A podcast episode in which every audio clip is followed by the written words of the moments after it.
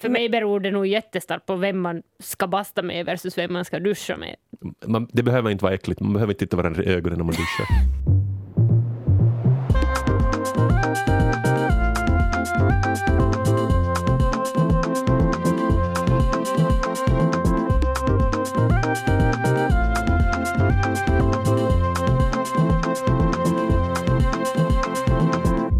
Välkomna till Sällskapet. Det här är ett sommarspecialavsnitt. Det är kanske lite kortare, kanske lite sämre.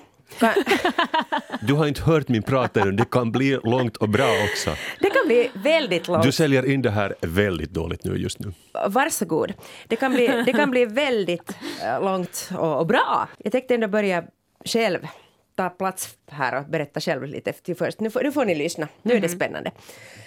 Jag tittar på en splitterny dokumentär. Eller den är inte splitterny, det kom i början av juni. Och eh, den handlar om en influencer. Och jag tänkte jag berättar nu det här för er för att ni är det också båda två. Oj. Så ni kanske kan ha nytta av att höra på det här också. Förresten, innan jag nu berättar om den här influencern som är en av världens mest kända influerare och personer överlag, enligt sig själv, så tycker ni att det fattas någon genre inom influencerscenen? Jag har börjat kalla mig själv, inte för influencer, utan hybridpåverkare. Låter det liksom dåligt eller bra? Det låter dåligt. Just därför tänker jag kanske vi ska vända det till något bra. Um, Så du vill no normalisera hybrid-influencing? Jag tänker att jag är en hybrid-influencer. Okej. vi- du- men om du säger att du vill vända det till... Bastu på TV, podcast på sällskapet. På, Hybridpåverkare. påverkning av demokratiska val. Ja, ja, inte not that kind of hybrid-influencer. Det måste vara något tillägg ännu så att man förstår lite. Men jag gillar det där, jag gillar det skarpt. Det är nog en jättebra titel. Jag har också länge haft på min Twitter att mina åsikter speglar S-gruppens åsikter. Bara för att liksom, jag tänker att det är något ändå som är motsatsen till att vara hybridpåverkare. Utan det är något som är väldigt safe. Nu när du har sagt det på podden så kommer de med ett mail, mail till dig. Ja, så hybridpåverkare har vi nu. Men sen så influerare, det finns nu, det finns vet ni grandmother, grandfluencer och det finns säkert babyfluencer och det finns allt. Och det vad jag ska berätta om nu är då en av världens mest kända personer som jag aldrig hade hört om. Gianluca Vacchi. Ja, ja, jag hade inte heller hört om honom. Allora. Allora, och han når ungefär 48 miljoner hela tiden om man räknar ihop hans Insta och eh, Twitter, Insta, Youtube och kanske någon till. Eh, Jag kollar på Insta så där har han över 22 miljoner följare, så nu har han ju följare. Jag vet inte faktiskt vem det här är. Vem är han? Snart vet du. Okej. Snart vet du. Eh, Den här dokumentären om den här människan så eh, visas på Prime Video och den heter kort och gott Gianluca Vacchi. Och eh, ja, den här mannen är businessman, DJ, influencer och väldigt förtjust i sig själv. En slags hybridpåverkare helt enkelt. Låter som varenda influencer som har över en miljon följare. Men- I'm a DJ, I'm a businessman. Men I han, have är, my own clothing brand. men han är född år 67. Alltså det vill säga att han är inte så ung och så, så är han alltså att han kommer från businessvärlden. Mm. Och han är extremt rik. Och han ser sig som en self-made man. Och en liten parentes, att han reagerar på det här att folk som säger att de är self-made man, så de är oftast inte så jätte self-made. Att de är så här Donald Trump att de har fått bara en miljon i startpengar när de var små. Och så är de jättenoga att berätta hur de har gjort allt själv. Det är antingen det eller så är de helt och hållet scammers. Exakt! Liksom att det är bara påhittat att de har pengar. Benjamin Franklin sägs vara den största self, första self-made man och han ska ha skrivit om det i någon sån här bok om sig själv. Eh, så att det, det är ett sånt uttryck. Så jag får alltid lite sådär usch när folk börjar säga det så tänker jag att okej, okay, du är inte self-made man. Men jag kan ha fel. Vacki föddes in i en familj med ett familjeföretag eller släktföretag för det är Italien. Och han säger att han nu har åtminstone hundra gånger mera pengar än sin far. Att, eh, hundra gånger mera lire än sin far. Hans far hade en lire. Nej, han hade väl en miljon euro Ah, okej, eller något okej, sånt. Så att han Ja. är self-made. Och de tillverkar produkter inom förpackningsindustrin. Nu ska ni kunna kolla de här. Okej, du har med dig förpackningar. Vad händer nu? Nej men kolla det här, för att det här är nu från den här dokumentären som jag lärde mig det här. Mhm. Så inte jag, är nu, jag har inga andra källor än vad han själv har berättat. Okej, så du, du slängde eh, precis två tepåsar åt oss båda som är förpackade i en sån här förpackning. Petra fick väl bara en. Jo. Kvinna, mannen får dubbelt mera. Stör. Mannens, eh, kvinnans tepåse är som Mannens sagt... tepåsar. Ja. Vi går inte in mera på det då. Hej, det var inte jag som var toxisk här. Försök inte. Not on me den här. Vi har toxifierat den här podcasten. nu gick det så. Han berättar i den här dokumentären att han har under fem år med sitt team jobbat på att, eh, nu kan ni öppna de där påsarna, Kan vi öppna dem? ja, att, Okej. att det där, ni vet att ibland är det ett sånt här stift av metall. Jag ska göra sån här tepåse ASMR. Okej, vad jag funderar själv, jag fick en, en eh, English original, liksom svart te och så fick jag Roibos te och den här Roibos, den känns lite plastig. Jag funderar genast, är det ekologiskt det här överhuvudtaget? Ja. Jag öppnar Roibosen här. Det jag vill titta är att Mm. ni tittar hur det där tråden är fäst i tepåsen. Aha. Okej, okej. Ja, den här har inget stift, den här är liksom trätt igenom. Nåja, okej. Okej, Vad har du Petra? Jag har nog sån här klistermärkesaktig ett grej. gem. Ett gem. Okej, Ja. Petra, du får en påse till. Titta. Va, hur är det där tråden fäst där? Alltså, jag står inte ut med just såna här miljardörhistorier. Där, ja, vår familj har tillverkat den här egen, ena lilla metallbiten i varenda jävla tepåse i Finland. Okej, okej, men mitt svarta te hade intressant för det är liksom limmat fast den här, eh, vad ska man säga, lappen som berättar om tesorten på påsen. Intressant. Men just tänk sig att någon har blivit rik på det här och sen är det ändå liksom, det är den ena biten som förhindrar mig från att kasta det här i bioroskisen och, och allt möjligt. Petra, Petra, Petra, Petra, vet du hur det är? Att han har hittat på så att vi inte behöver de där stifterna. Okej, förlåt, okej. Så du älskar There are honom? good billionaires, I Du, guess. ja, ja, du gillar honom. Alltså, han- berättar i dokumentärerna hur de på fem år funderat hur ska man slippa av med det där metallstiftet. Okej. Och, och så kom de på att man lagar en knut istället. Det var en knut i min, ja. Okej, förlåt Finland, Twitter, is inte cancella honom. du ser bara så nöjd ut. Nej, men, alltså, jag tänkte bara att det, det låter som... No, så är det väl med alla geniala uppfinnare, jag vill inte säga genial, med alla uppfinningar, att när man ser dem så tänker man att det här, var ju, det här är ju självklart. Att, varför har man inte gjort det här tidigare? Men du, Ja, eller också det här att det, det hittas inte på så mycket nytt mera, utan det är just något sånt här trams.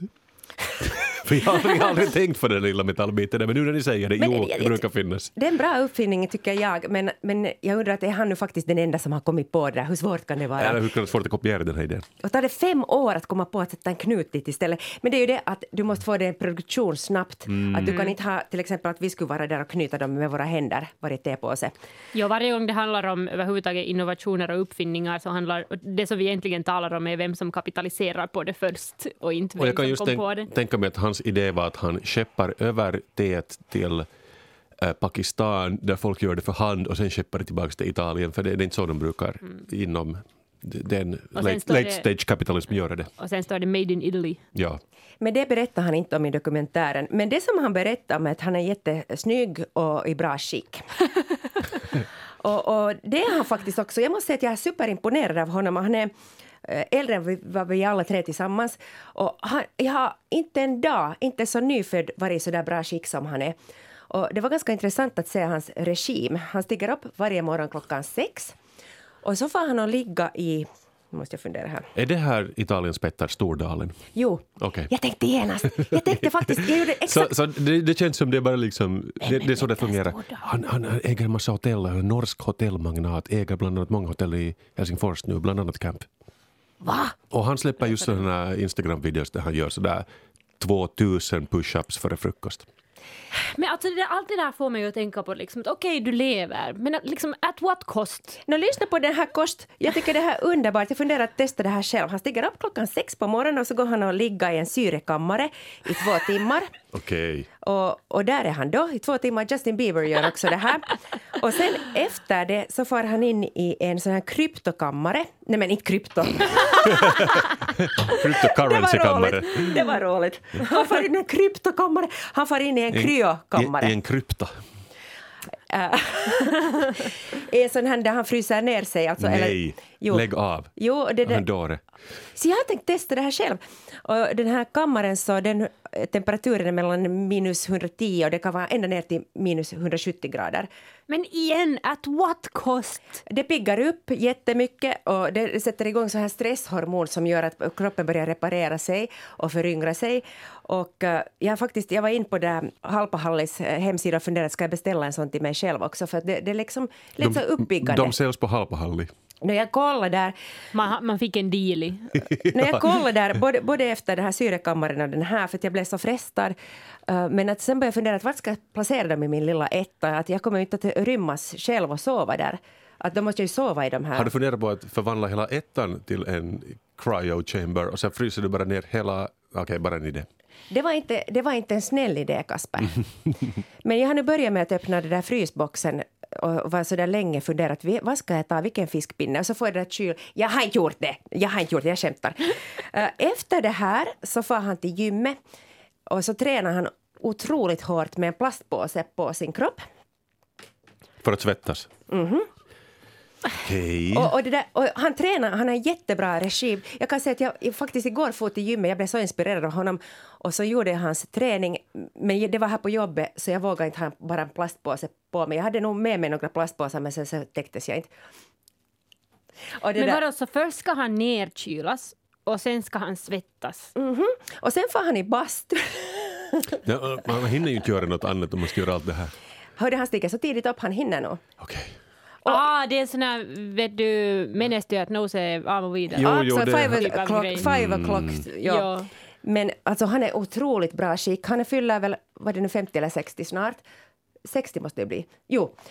Det som var så fascinerande att hans hud hänger inte alls. Alltså folk som har så där lite fettprocent så brukar ju vara eller hur ska jag säga, jag var så imponerad. Men de ser ut som, ibland ser de ut som en gammal läderväska också. Det såg han ut Ja, okej. som. Ja, är det bättre? det var en snygg väska. Ah, Okej, nu i så fall. Det, det, jag tycker det är bra att vi inte har en bild, så vi, vi har liksom enbart din utsak att gå enligt. Nej, Jag, jag, jag, tror, jag tror inte vi behöver en bild för att kunna... Den här vill- mentala bilden som Anna ritar Alltså ut jag, tycker, jag vill att ni alla googlar honom nu, för annars börjar jag spela hans musik och då blir ingen glad. Gianluca Mm. Vacchi. Snälla, ni måste googla honom. Jag googlar. Förlåt att jag pr- pratar nu så ytliga saker, men det blev lite så när jag tittade på den här dokumentären. Men sen, det här är en sak som jag på riktigt tycker också var fint med honom. Petra, får man en sneak peek från din telefon? Alltså han ser relativt normal ut. Vi har blivit lurade. ja, okej, men han har ju nog vitt skägg eller sådär, så att han ser lite äldre ut än jag tänkte mig. Ja, han, är, han fyller 60 Ja, man snart. behöver inte ha vitt skägg när man är 60.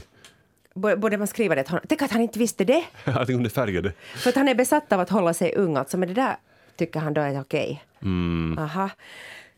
Nå, sen så, han, han säger att han är ett stort barn och det tycker jag är fint. Men det, man kan ju inte vara ett stort barn till exempel om en, man är mamma och har många stora barn, eller barn som man ska ta hand om. Men att han har nu möjlighet. Så han brukar leka och dansa och göra danser på TikTok och han gör ganska farliga stunts och man ser att han tycker att det är skojigt. Det är fint. Och det här tycker jag på riktigt är helt fint. När han var 47 år så bestämde han sig att nu vill han inte vara en businessman mera utan nu vill han vara en världskänd DJ. Och sen på riktigt nu, inte ironiskt eller något, men att inte skulle du, om du skulle vara sån här konsulent som ska hjälpa folk att välja karriärer, så inte skulle du säga att en 50-årig man, ja, men du ska bli DJ, du. Okej, de, de kända DJarna, David Guetta, de, de är ju alla gamla, men de har ju börjat som unga. Ja, ja, alltså, de har ju hållit på hela sitt liv, ja. Men enligt den här dokumentären, så, så, eller jag, vet inte om det var trickfilmat, men han var på Amnesia i Ibiza och spelade och David Guetta var där och han sa, lyssna vad David Guetta sa, you made it man. Det fick, och samtidigt stack han eh, John Luke en sedel till honom. Ja, jag, vet, jag sa inte den där sedeln, men så tänkte jag, alltså på riktigt, jag är inte nu ironiskt, utan jag tycker att det är roligt att man kan göra sånt som inte alls passar in, som grannarna säger att "Nej, men vad är nu det där? Ska hon nu gå med såna byxor fast hon är 55? Det här låter som någon har sagt det här till dig. Nej, jag är rädd att folk ska säga sånt. Alltså jag är själv på något sätt lite hämmad och tänker sådär att kan jag nu göra sådär att är det nu out of brand, eller vad heter det? On, on brand. Om man är så pass gammal att man inte längre orkar dansa på dansgolvet så visst får man fan välja musiken istället. Men nej, nu måste Nej, ni... det där var elakt. Ja, ja, ja. Men tänk nu det också, att man märker att man är då 60 år, men så klär man sig som man skulle vara 14 år. Okej, det gör jag ju redan själv, men mm, vad var min point? Ni är inte alls imponerade nu. Nej men alltså för det, det som är, är jag, alltså jag kan förstå det att folk är liksom, att han har hate followers och att, att för jag förstår nog det här um, fascination, fascineringen, fascinationen av, av att följa med en människa som väljer saker som du personligen tänker att, att man inte kanske borde välja. Uh, men jag tycker också att det är intressant det att no, att, att vad är sen liksom mer tillåtet för en man på 60 år att göra versus för en kvinna och, och allt det här. Och just att, att jag tror vi håller kanske på lite och gå bort från den tiden då folk tycker fortfarande att superrika människor är intressanta. Och att, att, att det börjar liksom vara mindre och mindre... Alltså den, den människan som han påminner mig om är... Jag vet inte om ni har hört talas om Dan Bilzerian. Mm. Uh, för Anne som, som skakar på huvudet, den bildserien var alltså, eller är tror jag, han är också en sån här människa som många hatföljer på Instagram och han är alltså tydligen en hel scammer. Eh, men han var alltså en sån här människa som hade massor med följare, var det typ några hundra miljoner följare, följare på Instagram och som postade rätt sådana här outrageous bilder med han själv och en massa modeller i bikinin och mm, nu vet jag. jag är sån här poker-playboy och så... My, mycket vapen, mycket jo, jo, snabba jo, bilar. Jag, jag följde honom en gång i misstag. Ja. och, och ja. allt det där. Och sen visade det sig ju att, att han inte har liksom typ någon, någon pengar alls på sitt konto och, och men det är nästan intressantare att han bara fejkar Det är just exakt det som också jag tror att, att den, här, uh, den här italienaren eller, eller orsaken till varför jag blir intresserad av en sån här människa är att, att jag direkt tänker på att det här kan inte vara sant och det måste vara någonting som inte stämmer med det här. Och jag tycker det blir mindre intressant då det visar sig att allt det är sant, det som han gör. Just det, jag kanske han inte borde berätta om tepåsarna. Men det, det kanske inte var sant. Fast då skulle det nog varit något mer spännande. Mm, Eller? Okay. I så fall, om det är scam så är det nog jättesmart att berätta om någon tepåse. Ja, no, den här dokumentären behöver ingen människa se. Den heter Gianluca Vacchi och den finns på Prime. Nu skiner solen. Det är juli. Det är högsommar nu. Lätt att sitta här och prata. Men kommer ni ihåg hur snöig förra vintern var? Det kommer man inte ihåg mera. Nej, för den var inte. Nej, den var extremt snöig. Kommer ni faktiskt inte ihåg det här? Kanske det är jag som vintercyklar. Som... Jag tror det var bara för att jag satt inomhus hela vintern. Mm, just det, för att det var rent av jobbigt att ta sig hit och podda. Det var nästan som man fick podda på distans. Men, ja, och jag vet att det är juli nu och man glömmer det snabbt, men det var faktiskt så otroligt snöigt att där jag bor, jag såg snödrivor ännu i mitten av maj liksom bakom ett hus på en sån skuggig gränd. Okej, nu minns jag. Ja. Jag var också ut första gången i maj och då var det snö ja, kvar. Ja, liksom i mitten av maj och det är liksom bara tre månader sen och ändå har man glömt det. Uh, och det är ju tur att man har glömt det, för sånt vill man inte tänka på. Det känns också så att vi är världens lyckligaste land. Vi är också extremt bra för att förtränga det att vi faktiskt har en vinter som oftast går ända in i maj. Existensen av snö, det är ingenting vi vill tänka på här i Finland. Men det låter inte som det här påverkar er på något sätt, den här snöigheten. Alltså, um, det som påverkar mig på vintrarna är om det inte finns snö. Då är, det, då är jag jättedeppis. Sen om det finns snö så sen är sådär i normaltillstånd. Ja, det känns spontant som om du älskar snö faktiskt. Jo, jag är en vintermänniska. Ja, eller bara den här Lappland eller Sápmi-grejen. Ja, men inte ens det, utan jag bara står inte ut med höga temperaturer. Så nu när det är mitten av brand. juli så det här är ju liksom mitt eh, personliga helvete, det är ju juli. Okej. Okay. Ja, för mig var det katastrof för att jag gillar att cykla så mycket. Men inte mm. bara därför. Utan också för att jag gillar att jogga. Det ser man inte på mig men jag är sån att jag är ute och springer lite emellanåt. Jag vet att ingen säger jogga mera, man ska väl intervallträna eller något sånt nu. Att, att det är kanske något som man gjorde förr i tiden, att man är ute och liksom joggar runt. Men sån är jag, mest ute och lunkar, kallar det för att jogga. Och jag är den sista människan som gör det.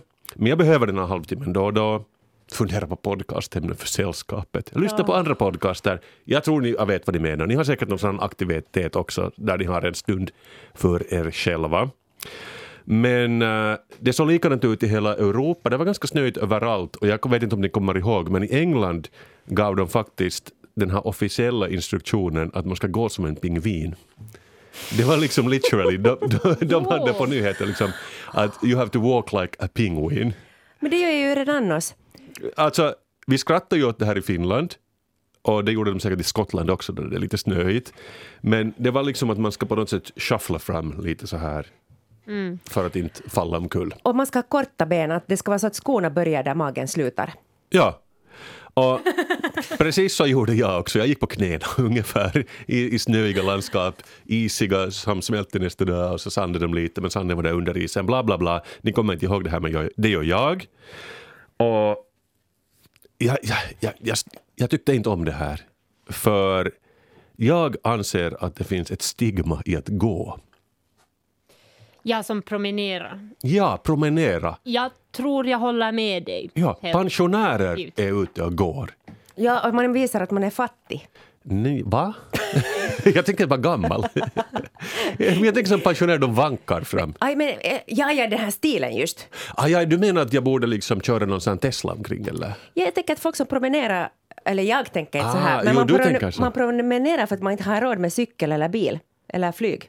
Nej, men alltså, nej, men, men det som jag kommer att tänka på sen igen var det här att att ibland om jag säger till någon frendy eller, eller min partner till exempel att jag skulle vilja få ut och promenera så dyker de upp i, i typ joggingbyxor och sen har jag höga klackar för att jag vill promenera. Och de gör intervallträning. Ja, Ja. och jag förstår inte liksom att, att när, när börjar promenering mena intervallträning?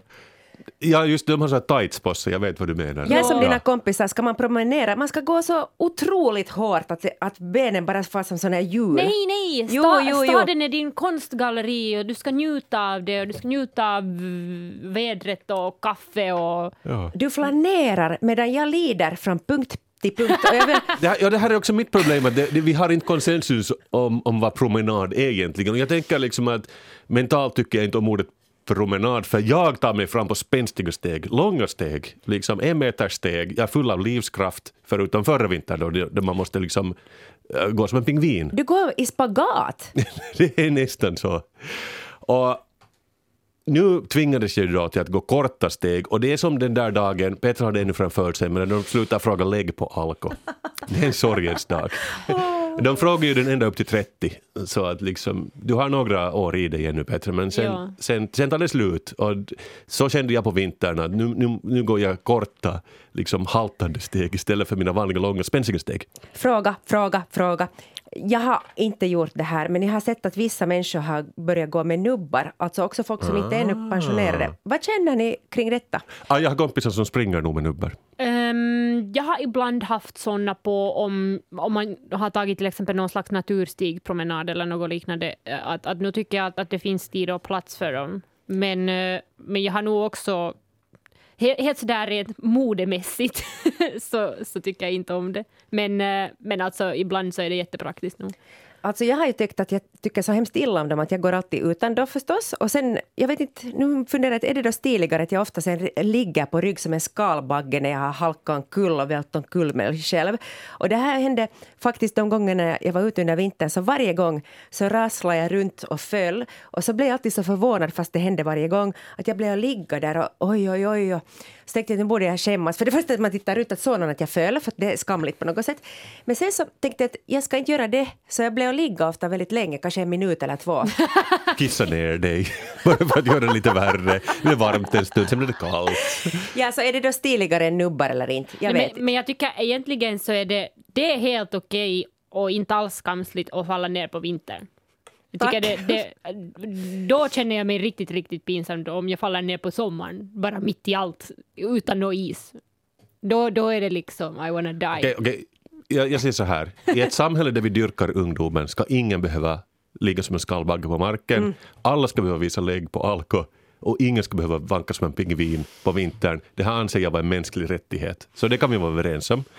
För om jag går omkring och traskar omkring långsamt på en osandad isig trottoar känns det som jag går mot döden. Och det är ingen kul känsla, kan ni berätta.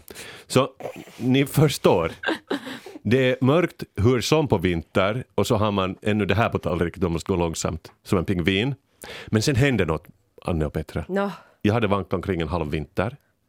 Ja, men sen tillskansade jag mig lite information som fick mig att ändra attityd till det här planlösa traskandet. Inte en, inte två, men tre gånger hände det förra vintern. Nå, Okej, jag brukar lyssna på podcaster när jag är ute. Vissa människor de säger det var trams, men det vet vi att det inte är. Man kan lära sig mycket. Och jag lyssnar faktiskt på det här Geniet och Schulmans podd där Geniet Söderholm pratar om hur han också tar promenader. Men den här grejen, han använde inte ordet promenad. Han sa att han tar powerwalks. Ah, va? Ni tror inte på det här? För jag var så där, vilken game changer! Jag hade inte fattat det där, man bara byter ut det där jobbiga ordet promenad mot ett lite coolare ord och så förändras hela ens liv. Men Vilken det- insikt! Men alltså om någon säger powerwalk så då tänker jag mig nog... Jag tänker inte likadant som om någon säger powernap. Det, det hörs inte liksom likadant till mig, utan powerwalk till mig är det där underliga stilen som man nästan joggar på, men sen springer man inte. Jo, jag vet, jag googlade också, det står att man ska gå i 7 till 9 kilometer i timmen, då normal promenadtakt är 6 kilometer i timmen. Men jag struntar i det, för jag tycker att powerwalk är mer ett mindset än någonting annat. Vi går vidare, men eh, jag, jag, jag börjar alltså powerwalka där någonstans kring januari. Uh, jag, jag, men jag powerwalkade som en pingvin, men jag powerwalkade ändå. Jag var strong, jag var independent, jag var trygg i min vangande gång. Får jag, Men se- men får jag sen- fråga hur, hur du gick 7-8 kilometer i timmen Ja. som en pingvin? En, en, en jävligt snabb pingvin helt enkelt. Men sen började jag läsa en bok, Osmo Tapio Raihales bok Miksi nykymusiikki on niin vaikea, det vill säga varför är nutida konstmusik så svår? Har ni stött på den boken? Nej. Vad har vi på Osmo Raihala? Känner ni till honom överhuvudtaget? Nej. Han är alltså en av våra ledande nutida konstmusiker född 1964 och han gör liksom quote unquote lite svår musik eller liksom konstmusik så det är ingenting som spelas på radion eller på så. Men han har då skrivit en bok om hur det är att verka och leva i den världen. Och han pratar också i förordet i den här boken om att gå. Och i själva verket är rubriken till förordet Människan är bara fri när hon går. Alltså inte när man joggar då som jag. Uh, så, uh, jag trodde att det var då man fri. Uh, och då har vi ändå liksom en, en, en kulturinstans här som säger att det finns det som har gått. Och han pratar i det här förordet om författarpoeten Gottfried Soim som år 1801 gick från Leipzig i Tyskland till Sicilien och tillbaks bara för att kunna skriva bättre. Att han ansåg att han, han får endorfiner och han, han har någonting att skriva om han bara går genom halva Europa och tillbaks. Och han skrev faktiskt en bok som hette Spazierung nach Syrakus im Jahre 1802 som kom ut då. Och sen gjorde han senare andra långa promenader. Han gick bland annat till Finland, gick han tillbaks till Tyskland. Han, han var en, en människa som verkligen gillade att gå. Och det här har då inspirerat Osmo Raihala så mycket att han själv påstår att han kan inte mera komponera om man inte har tagit promenader. Och han hade också lanserat en helt egen term för att gå omkring och fundera på nya kompositioner. Och det är inte powerwalking. Han pratar om att han jobbar med käveltäminen. Som att oj, alltså promekomponera kanske på, på svenska. Ja, du, Petra tror inte på det här. Det här är ändå det här är en nationalklenod vi, har, vi pratar om Nej, här. nej, det är inte att jag inte tror på det, utan jag, snarare så känner jag kanske nästan igen fenomenet nog. Men jag vet inte bara riktigt... Um, Okej, jag är ju inte konstmusiker, så jag vet inte... Och jag känner väldigt lite till den världen, men jag har åtminstone haft för mig att konstmusik har kanske lite mer... Eller, eller egentligen har lite mindre symmetrisk rytm i sig. Och för mig så intuitivt så skulle jag tänka mig Ah. att promenering passar mer komponering som har en rätt så stadig rytm. Lite som Anne som gör medioker housemusik på sin fritid. Lite som Peter Laite som gör medioker housemusik på sin fritid. Men jag glömde promenera innan. Det var ju det. Jag läste forskning som berättar att fysisk aktivitet gör hjärnan mera kreativ för att det, du switchar mode från när du sitter och försöker vara kreativ så det egentligen tar död på kreativiteten. Så den promenaden påverkar hjärnan så att du helt ofri, vare sig du vill eller inte så kommer du på lösningar. Så när man sitter och brainstormar, stormar, Sturmer. brainstormar och, och så brukar det låsa sig efter ett tag. Så om man går ut och promenerar fem minuter så kommer lösningen på problemet komma när du kommer tillbaka. Och det var precis därför jag slutade powerwalka när jag läste om det här. Och så började jag också promekomponera när jag var ute och gick. Mycket coolare än att powerwalka. Och det känns ändå som, liksom, jag som en kulturpoddare, det kändes mera jag också. Det kändes on-brand för mig att liksom kavälta istället för att powerwalka. Så ni hör själva vilken resa jag gått igenom i vinter, inte bara fysiskt utan också psykiskt. Mentalt så, så har jag eh, gått från Leipzig till Syrakusa. Jag har gått på en promenad, alltså. Helt och helt. Ja, ibland prövar jag faktiskt kombinera powerwalking med att promekomponera. Sen när det kom mer snö blev jag bara glad, för då kunde jag liksom bara fortsätta att experimentera olika synonymer i mitt huvud till att promenera och jag blev jätteglad. Men sen hände det igen. Jag hade gjort de här två sakerna Uh, som hade fått mig att se över min relation till att gå. Men sen läste jag en intervju med Mari Leppänen som är någon slags biskop i Åbo. Här står i en artikel att hon är arkihippakunnan piispa. Och hon är 43 år gammal och tydligen någon slags andlig ledare för vårt land. Hon håller en hög position inom kyrkan i varje fall. Och hon verkar jättetrevlig i den här intervjun. Men hon hade också, lite oväntat, jättemycket tankar kring att gå. För lyssna på det här. För hon sa alltid när hon som biskop i Åbo får besök så för hon sina gäster på quote unquote en liten vallfärd. Mm. Och liksom hur smart, om du är biskop, det är klart du inte promenerar mera, du vallfärdar. Och det tycker jag hon har rätt till. Mm. Vad fint. Alltså far hon kanske till något heliga monu monument eller se... alltså hon pratar här om att Åbo någon gång i tiden har varit någon slags knutpunkt eller centrum för vallfärder. Att det går en massa uråldriga leder från den medeltida staden Åbo till olika platser, bland annat till Norge. Att, att folk har liksom gått omkring för att få en andlig väckelse. Jag menar folk vallfärdar nu där i Santiago och Compostela. Så är Åbo vår Santiago de Compostela? Åbo är vår Santiago Compostela, inte hennes ord. Intressant. Ja, och så pratar hon också om att hon under coronan, så hon orkar inte sitta på ett Zoom, men då gjorde hon minivallfärder på tre timmar för att vara mera nice. Och jag menar, om du är biskop, det är klart du får liksom upp, uppgradera de här gamla uråldriga uh, sätten andliga kyrkomänniskor rör sig på. Att du bara säger okej, okay, minivallfärd, tre timmar, deal with it. Men I'm vänta, biskop, vänta. what you gonna do? Det, men hade hon det där med sig i sin dator att hon kunde vara på Zoom eller hur gjorde hon? Nå, kanske hon hade en telefon, ja, det går väl att eh, handsfree på något sätt. Jag tycker det skulle se roligare ut om hon skulle ha en dator. Eller en iPad eller någonting. Jag vet något inte. stort tycker jag. Jag kan inte detaljerna kring det här men det här är vad hon påstår i varje fall. Och vem är jag att ifrågasätta andliga ledare i vårt land? Ingen. För Anna-Petra, kolla på min arm. Gåshud. För jag fick igen ett nytt syn, synsätt på att vandra omkring. Så mycket coolare att vallfärda än att powerwalka eller promekomponera. Så nu tar jag sådana här 45 minuters ateistvallfärder själv. Jag menar, vem vill powerwalka om man kan vallfärda? Och nu är det ju högsommar och man kan jogga om igen, fast nu vill jag det nästan inte mera.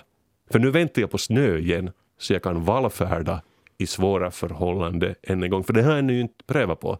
Ja, man ska, ska man inte lida lite på en vallfärd? Jag tror det. Och det känns som, jag har mycket att se fram emot nästa vinter. För ni vet, i LA, de går ju inte, de trekkar i någon sån här Hollywood Hills. Att man har en sån här vattenflaska och, och kanske någon just, jag vet inte, någon specialskor, trekkingskor. Mycket tajta tights. Någon sån här, ja, jo, absolut. Och, och liksom, jag vet inte hur mycket de går på riktigt, men att det är liksom lite som en fashionabel grej har jag förstått man gör där. Så det måste jag pröva på. Eller just det där att det finns vandringsleder, kan jag inte bara vandra eller tåga fram? Tåga fram! Ja, alltså det låter så tufft, eller bara ströva, till och med knalla fram. Jag vet inte, trippa fram på, på lätta ben. Nej, tåga, tåga fram. Tåga. Du måste också anställa ett följe. Bara, vad jag försöker säga är det här. Bara du har en synonymordbok så blir det mesta bra. Och det har jag lärt mig helt konkret nu förra vintern. Så nästa gång ni tänker, det är tråkigt att simma, gå inte och simma. Pröva på att ta ett dopp istället. Eller bada. Det blir mycket intressantare om du bara använder olika termer till mundana, vanliga aktiviteter. Okej, man kan ju faktiskt jogga då, men fråga mig hur det gick sen efter att jag hade Hur gick det? ni vet som många löpare pratar om runners high. det är väldigt få som pratar om runners low. Eller hur? Ja, och, det, och det är så mycket vanligare. Så där att man får stygn och man har liksom ont överallt. Uh, men Jag är representerad i ja, den här runners low, att vi, vi måste prata mer om runners low. Det här det är största orsaken till varför jag inte står ut med att jogga, för det enda jag någonsin har är runners low och jag mår så skit av Men vi måste bara komma på Petra, några nya synonymer till runners low så blir det nog säkert också bra. Det är I det call jag it tänker. depression. Ja, och jag väntar på snön för då går det ju här bort av sig själv om det blir en snö i vinter igen. Men uh, synonymer, underskattade. Men jag tyckte mycket om när du sa runners low, för att jag har lite, provo blir lite provocerad och kanske avundsjuk när folk säger att ah, nu har han egen stund, nu ska jag njuta av livet. Och så får de springa intervaller i tre timmar och då har de liksom kopplat av. Och för mig, att, Eller, eller en halv mara. ja, för att ta lite time-out. Ja. Alltså det där, jag känner så stark eh, ha- runner slow att, att det är fruktansvärt. Jag springer runt Tölö, Tölöviken och det jag springer så långsamt att folk frågar ofta att varför far du baklänges? Vet ni vad ni låter som? Kulturpodd. Alla tre nu. Pratar bara om runners low. liksom här, och inte om den här själsliga, eller typ den fysiska kulturen så mycket. Ja, ja, nu, må nu, nu, nu slutar vi. Jag tänker ateistvandra Santiago de Compostela. Har du förresten funderat på det, på tal om det här med kreativitet och så, att när du går ut och går så löser det sig problemen och du blir kreativ. Så nästan alla som har gått Santiago de Compostela har också skrivit en bok om det, tycker jag. Ah, sant. ja, jag, jag tror du har en bra, det här är en spaning. Jag tänkte bara ge ett, ett, ett kort sommartips. Och jag är säker på att någon annan har också upptäckt det. Jag tror halva Helsingfors kanske vet redan, men jag tänker säga det out loud. Uh, Amos Rex är stället som man ska få på på en het dag.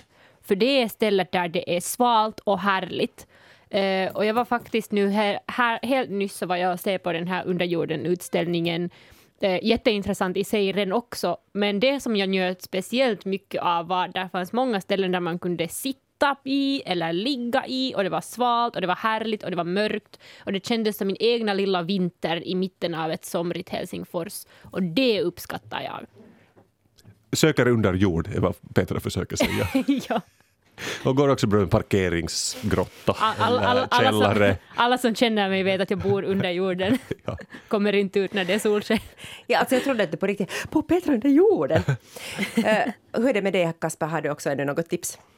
Det kan vara en Nå, jag, maträtt. jag skulle rekommendera Moa Romanovas på glid men sen hörde jag att, eller så lyssnade jag ju på, på Sällskapet och märkte att Elinor redan pratat om det. Men det är en helt faktiskt bra serieroman så den tycker jag man ska läsa om man gillar speciellt sån här 80-tals Memphis-estetik för den har ett helt eget uttryck vilket jag gillar. Vilket jag gillar. Berättelsen är också bra men speciellt sättet hon ritar på Man kan följa henne på Insta också, då får man ganska bra bild av hur Mm. hennes estetik ser ut. Eh, kan du säga långsamt hennes namn? på ditt- Moa Romanova. Moa Ro- Romanova. Och jag vet att hennes förra bok Alltid fucka upp kom ut på finska nu, så lite aktuell i det här landet för de som inte kan svenska. Aj, det visste jag inte. Mm. Den har jag läst, tittat på, men inte, inte, den här ny, inte den här nya. Men nu är det så många som rekommenderar den, så den Mm. måste ju vara bra. Varje vecka. Vilken antiklimax när alla rekommenderar den och då är förväntningarna är skyhöga. Får jag också rekommendera en bok? Ja! Eh, jag vill rekommendera också eh, inför sommaren, om man inte har tagit och läst den här så den har nu blivit också översatt till finska helt nyss och det är Stöld av Ann-Helen Lestadius. Ehm, det är en, jag skulle säga det är en rätt så heavy bok. Eh, det handlar om konflikten i, i svenska Sápmi där svenskar uh, samernas renar. Ehm, och, och det handlar om liksom vad den konflikten eh, orsakar för generationer av samer och icke-samer i, i Norrland och, och i svenska Sápmi. Ehm, och den är som sagt, um, alltså den är på svenska och den har just blivit översatt till finska, så den finns på båda, båda språken. Och det är också årets bok 2021 i Sverige. Så jag kan varmt rekommendera för lite... Det här är egentligen det som jag skulle själv Eh, kalla för det verkliga Nordic noir. För jag, liksom, ehm, jag hade chansen att, också intervjua författaren Ann-Helen Lestadius eh, här några veckor sedan eh, och vi talade lite om Nordic noir ehm, och just det att hur ofta Nordic noir-böcker utspelar sig i Sápmi utan att nämna samer alls. Så det här är nu en bok som gör det och det är nog en, en krimhistoria i sig. Så jag skulle jättevarmt rekommendera om man är intresserad av liksom, historier som baserar sig i, i verkliga, verkliga livet. Lite den här autobiografitematiken som vi har talat om nu på sistone också. Och sen, jag måste ju rekommendera också tv-serien Bastu med Kasper som nu Vad går är, på det, tv. vad är det för något? Den börjar här vid midsommar men det är en, sex, en, en, en tv-serie på sex delar där jag undersöker alla bastun som finns i Finland. Och jag tror vi här i juli börjar vi närma oss finalen. Det är bland annat äh, vi är ute på en holme och äventyrsbastu utanför Helsingfors och jag är sjösjuk på den trevliga Johannas båt. Så hon måste skölja av liksom relingen lite men det var, det var, det var, det var, det var, men det var ett äventyr. Så, sånt gillar jag. Uh, bastu eller barkar, om ni flyttar till ett hus. Om det finns en sjö så bastu. Ja. Men om det är i stan så badkar. Sjö är hellre än hav. Men jag är sjömänniska. Och jag säger, ta hellre en dusch tillsammans än att basta tillsammans.